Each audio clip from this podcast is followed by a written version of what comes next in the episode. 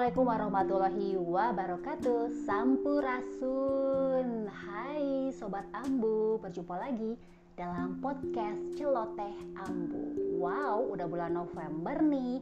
Biasanya ini sih kalau bulan November ini identik dengan dua hal Ya. Karena ini lagi musim hujan Biasanya ini identik juga dengan November Rain ya. Sebuah lagu lawas tahun 1992 dari grup Guns N' Roses.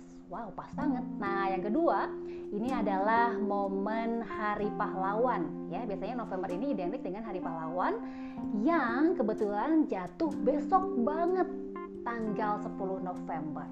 Well, ngomongin tentang pahlawan, tentunya kita para perempuan ini adalah salah satu pahlawan-pahlawan di keluarga tentunya ya. Apalagi sebagai ibu pekerja merupakan pahlawan dari bidang ekonomi. Hmm bener kan? Nah ngomongin soal ekonomi Sobat Ambu udah pasti pernah denger dong ya kemarin-kemarin berita yang bilang bahwa Indonesia ini lagi masukin masa resesi wah resesi itu apa sih sebenarnya? Nah, teman-teman nih untuk uh, sobat Ambu yang mungkin masih bingung resesi emang penting banget ya buat kehidupan kita. Nah, kita obrolin dulu sebenarnya kalau resesi itu uh, apa sih? Ambu. Nah, kalau resesi ini Ambu lihat dari bigalpa.id. Ini artinya pertumbuhan ekonomi Indonesia itu lagi negatif nih dalam dua kuartal berturut-turut. Kayak sekarang kenapa sih Indonesia tuh bisa resesi? Ya jelas aja ini karena efek dari pandemi virus corona. Jadi nih ya, si pandemi ini dampak signifikannya ke permintaan dan penawaran barang dan jasa. Dan resesi ini tuh nggak hanya di Indonesia loh Sobat Ambu, tapi juga di seluruh dunia. Nah, kalau dari lapangan usaha sih memang sektor-sektor yang paling terkontraksi ya, yang paling terdampak ini yang kerasa banget ini adalah sektor transportasi. Disusul pergudangan. Nah, kenapa sih transportasi ini turun? Ya, soalnya kan sekarang banyak orang yang ngurangin bepergian tuh, pakai pesawat, pakai bis, pakai kereta, atau moda-moda transportasi lain selama pandemi. Nah, tapi kalau ngomongin sektor lain yang masih tumbuh, ini ada sektor yakni sektor kesehatan. Itu jelas ya itu lagi naik-naiknya banget apalagi kegiatan sosial. Soalnya selama masa pandemi ini makin banyak orang yang butuh pelayanan kesehatan nih sobat ambu termasuk di rumah sakit Nah ngomongin lagi soal resesi, kenapa sih negara kita resesi nih tahun 2020? Oh wow, udah 2020 masih resesi, come on. Nah ini tuh terakhir uh, Indonesia resesi 22 tahun lalu ya, tepatnya tahun 1998. Nah waktu itu kan Indonesia itu ya ngalamin krisis ekonomi moneter sama kayak negara-negara Asia lainnya kayak Malaysia, Thailand, Korea Selatan lain-lain. Nah, tahun 2020 ini Indonesia juga nggak sendirian Sobat Ambu resesinya. Ada Singapura, oke, okay. terus ada Korea Selatan, negaranya opa-opa, terus ada Jepang, terus ada negaranya Ratu Elizabeth, Inggris, ini juga resesi. Dan ekonomi negara-negara lain juga ini sedang susah-susahnya gitu. Tapi uh, selain itu di kuartal ketiga ini ada kok negara yang ekonominya udah tumbuh yakni apa coba? Iya, yakni negara Cina ya atau negara Tiongkok.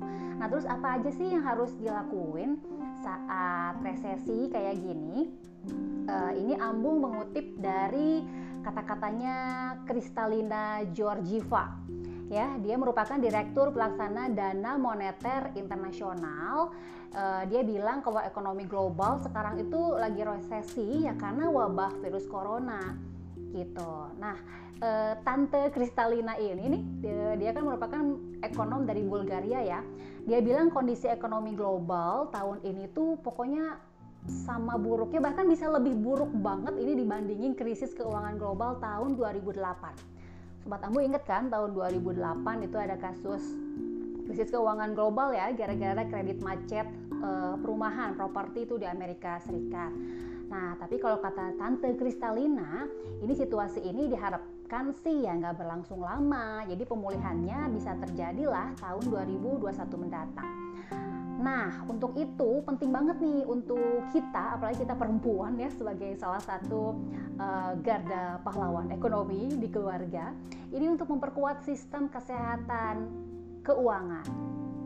Gitu loh, karena dampak ekonominya memang makin parah ya, karena makin cepat penyebaran virus uh, berhenti, maka makin cepat juga kita pemulihan ekonominya gitu loh karena kan virus corona kita tahu ya sekarang itu bikin krisis kesehatan dan kemanusiaan di seluruh dunia Oke, okay, virus yang awal dari Cina ini tahun 2019 itu kini kan udah wow merembet luar biasa ya ke seluruh dunia gitu loh. Ada jutaan orang terinfeksi, puluhan ribu orang meninggal akibat virus yang bertransmisi kayak gini. Kita memang harus hati-hati juga gitu loh. Dan hmm, ya krisis ini tuh dampaknya ke kondisi perekonomian di banyak negara. Hampir semua negara ini ngomongin perubahan prediksi pertumbuhan ekonomi. Komponen-komponen pertumbuhannya kayak ekspor, konsumsi, investasi, belanja pemerintah ini tuh udah ya udahlah pokoknya diperkirakan bakal turun drastis gitu ya. Bahkan Menteri Keuangan Indonesia ini uh, salah satu tokoh perempuan favorit Ambu juga Ibu Sri Mulyani bilang kalau pertumbuhan ekonomi Indonesia itu kan prediksinya dapat 5% ya tahun 2020. Nah ini beliau bilang bahkan kemungkinan bakal turun uh, eh, 2,3 atau bahkan minus 0,4 persen. Wow ini tuh kondisi yang sangat mengkhawatirkan banget gitu kan. Uh, ya gimana lagi ya gak cuman Indonesia aja gitu loh. Nah terus tipsnya gimana dong Ambu? Ketika ekonomi sekarang sedang lesu kayak sekarang ya yang jelas kondisi ini memang nggak ada yang mau untuk mengharapkan ya. Tapi ya kadarullah juga kondisi ini sudah terjadi.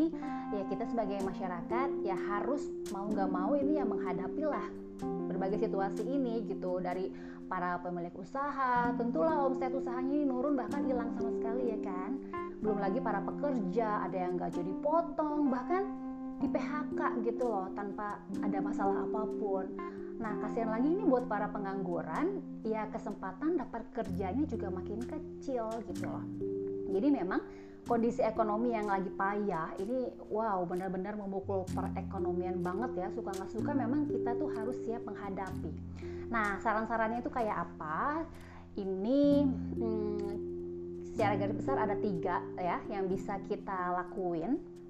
Yang pertama tentu adalah menekan pengeluaran. Oke, nah sobat ambu, pengeluaran apa gini kira-kira yang nggak penting kira-kira ya, yang kira-kira bisa aduh dientar-entarin aja. Nah itu ditekan. Soalnya situasi ekonomi sekarang kan lagi lesu-lesunya ya, pendapatan dari kita pun ya berkurang, ya kan? Karena ya penurunan permintaan barang, terus uh, oleh masyarakat dan Situasi ini juga dialami pekerja-pekerja di semua perusahaan gitu. Pendapatan perusahaan ikut menurun. Jadi ya ini pun akhirnya mendorong perusahaan untuk ngambil keputusan yang strategis kayak gaji dipotong, terus nggak dapat bonus, bahkan uh, di PHK yang akhirnya bikin pendapatan individu atau pendapatan kita ini tuh menurun. Oke, okay? jadi kalau dalam bahasa simpelnya itu nggak mudah loh dapat uang dalam situasi sulit. Nah, ketika sisi pendapatan kita turun atau nggak bisa dikendalikan kayak sekarang, ya mau nggak mau kita harus kelola dan kendaliin tuh isi pengeluaran kita dalam tingkatan-tingkatan tertentu. Misalnya, biasanya kita ngeluarin duit uh, sekali makan siang misalnya 25.000 gitu ya di warteg Nah sekarang coba deh kita kendaliin yuk masak sendiri, terus belanja sendiri, uh, lauknya juga kita olah sendiri. Uh, ya moga-moga sih dengan budget 40.000 sampai 50.000 ini kita bisa pakai sampai 4 kali makan. Itu kan lumayan banget ya.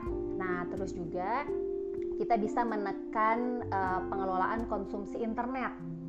Misalnya nih, duh biasanya aku make 30 giga dalam sebulan. Nah kalau sekarang bisa dong pada dikurang-kurangin lah 15 giga kayak 20 giga kayak atau bahkan kita manfaatkan uh, wifi wifi gratis di sekitar kita gitu. Nah ini tuh bisa dipakai dengan kondisi dan situasi masing-masing ya tentunya dan uh, dibalikin lagi gitu loh misalnya ya ya biasa jajan sekarang kita jajan jajan sendiri aja gitu. Makanya sekarang kurang-kurangin deh atau ilangin deh kebiasaan-kebiasaan browsing-browsing atau berselancar di internet itu yang cuma buang-buang waktu. Pokoknya kalau bro, uh, kegiatan browsing-browsing internet kita nggak bikin cuan itu lebih baik dihindarin aja. Oke? okay? Lanjut ke tips nomor 2 ini adalah menahan cash. Wow kita pasti udah sering dengar ya cash is the king. Nah ini tuh kerasa banget deh kalau sekarang pokoknya kalau ada uang cash itu kita bisa pakai buat kebutuhan dasar makan sewa tempat tinggal atau mungkin disimpan uh, dan alokasi cash ini memang diprioritasin untuk memenuhi kebutuhan mendasar dan jangka pendek ya. Jadi memang cash itu betapa pentingnya. Kenapa sih cash adalah raja? Cash is the king. Karena ya di situasi nggak diharapkan kayak terjadinya bencana alam krisis resesi bahkan perang itu dalam situasi ekonomi yang morat marit itu kan nggak sedikit ya orang yang jual-jual aset keuangan kayak saham reksadana supaya nilainya nggak turun. Nah makanya kita ya lebih menempatkan uang itu di tabungan untuk keperluan darurat aja. Oke tapi kalau ambu saran sih duit cashnya jangan cuma duit cash gitu aja tapi bisa kok dikonversiin jadi beli emas batangan. Sekarang kan banyak ya uh, emas satu gram beli aja. Misalnya punya duit berapa? Sekian juta simpan aja di emas satu gram. Jadi uh, duit satu juta sekarang dengan duit satu juta tahun depan itu kan nilainya udah beda ya. Coba kalau disimpan di emas. Wow itu melawan inflasinya luar biasa sekali. Oke kita lanjut ke tips nomor tiga. Gimana sih cara kita untuk menghadapi resesi yang bisa kita lakukan tentunya adalah galing dan gabukan adalah tidak menambah utang baru. Widih, ngeri ya. Apalagi biasanya utang konsumtif tuh untuk beli barang motor lah, untuk beli meja makan, beli lemari itu utang konsumtif. Karena utang mau gimana pun itu diikuti kewajiban untuk kembaliin pokok dan bunga utangnya. Ya kan? Dan pembayaran ini biasanya dari pendapatan yang diperoleh dari uh, si orang itu dari pekerjaannya. Jadi dalam situasi virus corona kayak sekarang kan ekonomi itu nggak bisa dipastiin ya perusahaan kita atau tempat usaha yang selama ini jadi sumber pendapatan kan bisa aja gulung tikar atau tutup gitu dalam keadaan kayak gini gitu loh. Jadi memang nggak ada salahnya kok kita orang-orang ini untuk berutang sebenarnya nggak ada sama sekali masalahnya tapi sobat ambu please keinginan ini tuh ditahan dulu ya sampai keadaan bisa lebih baik lagi Oke, okay, ya ini tuh perlu banget dilakuin supaya kita ini punya kemampuan untuk ngeberesin kewajiban gitu loh. Jadi jangan maksa dulu deh gitu ya. Jadi Iya nggak ada salah sih memang. Jadi kalau mau nambah utang ya tapi ya tahan dulu lah sampai keadaan membaik. Apalagi zaman kayak gini keadaan ekonomi ini nggak bisa deh ya dipastiin gitu loh.